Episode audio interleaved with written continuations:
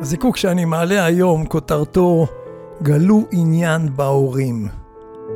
הסיפור לקוח מתוך אתר אינטרנט אמריקאי, וחשבתי שהסיפור יכול לשמש כצלצול מעורר לכמה מאיתנו. הנה, בתרגום חופשי שלי מהאנגלית. להזכירכם, אתם הזיקוקין דינור, פודקאסט שמעלה סיפורי חיים קטנים, מהחיים של כולנו, שיש בהם חומר למחשבה. מספר לכם בקולו שוק הדינור. אז הנה הסיפור.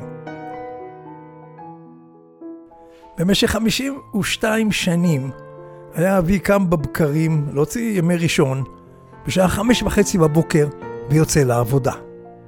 במשך 52 שנים הוא היה שב הביתה בשעה חמש וחצי כמו שעון.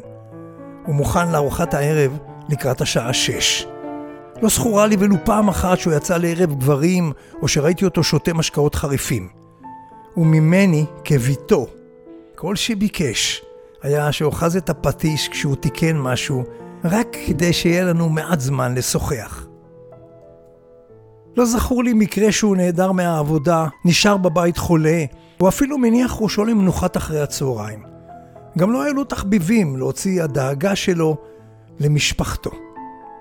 במשך 22 השנים שחלפו מאז שעזבתי את הבית ללימודיי במכללה, אבי היה מתקשר אליי בכל יום ראשון בשעה תשע בבוקר, גם כששהה בנסיעות עם אמי ברחבי ארצות הברית ומחוצה לה. תמיד היה מתעניין בחיי ובשלום משפחתי, ואף פעם, ולו פעם אחת, לא שמעתי אותו מקטר על גורלו בחיים. לפני תשע שנים, כשקניתי את ביתי הראשון, אבי אז בן 67, טרח במשך שלושה ימים בחום של 30 מעלות של אותה התקופה בקנזס, וצבע את ביתי. הוא לא הרשה לי לשלם למישהו שיעשה זאת במקומו.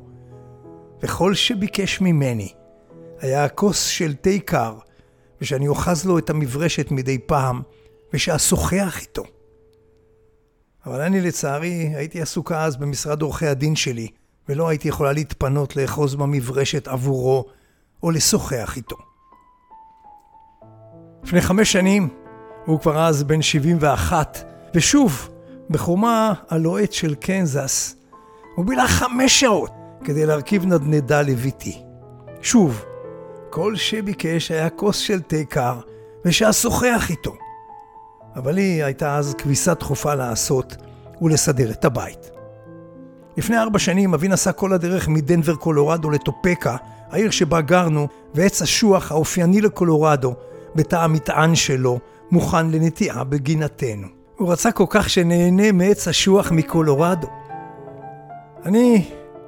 אני הייתי בהכנות לנסיעה עסקית באותו סוף השבוע, ולא היה לי הרבה זמן לפנות לאבי.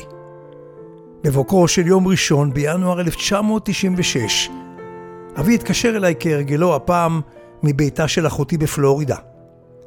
שוחחנו על האשוח שהוא שתל, והוא בטעות חשב שהוא שתל עץ אחר. נדמה היה לי שהוא שכח כמה דברים אחרים, עליהם דיברנו בשבוע הקודם, אבל, אבל אני לא שמתי לב ומיהרתי לכנסייה, אז קיצרתי את השיחה איתו. באותו היום אחר הצהריים הגיעה שיחת הטלפון. הודיעו לי שאבי אושפז בבית החולים בפלורידה עם בעיות של התרחבות פתאומית של כלי הדם. טסתי מיד לשם ובדרכי חשבתי על כל הפעמים שלא התפניתי לשוחח עם אבי. הבנתי פתאום שאין לי מושג מיהו ומהן מחשבותיו, ונשבעתי באותו הרגע שכשאגיע אני אפצה אותו על הזמן האבוד, ושאנהל איתו שיחה ארוכה ואלמד להכיר אותו. לפלורידה הגעתי בשעה אחת בלילה. בשעה תשע באותו הערב, אבי נפטר. הפעם זה היה הוא שלא היה לו זמן לשוחח איתי, או בכלל לחכות לי. בשנים שלאחר מותו למדתי הרבה על אבי, ועוד יותר על עצמי. כי אבא הוא לא ביקש ממני דבר חוץ מהזמן שלי. ועכשיו יש לו את כל תשומת הלב שלי בכל יום שחולף. מתוך אתר אינטרנט אמריקאי בשם סיפורים מעוררי השראה, שם המספר אינו ידוע. הסיפור הזה מדבר בעד עצמו, אבל ללא ספק הוא מעורר מחשבות. הוריי כבר אינם בחיים. אבל פעמים רבות כבר שאלתי את עצמי האם גם אני לא החמצתי אותם. גם אני לא יכול להשתחרר מהתחושה שלא מספיק התעניינתי בהם ולא באמת הכרתי אותם כאנשים.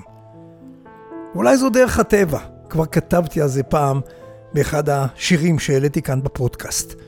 ואולי באמת זו דרך הטבע שאנחנו כילדים נהיה עסוקים בעצמנו, והורינו הם אלה שיגלו התעניינות בנו.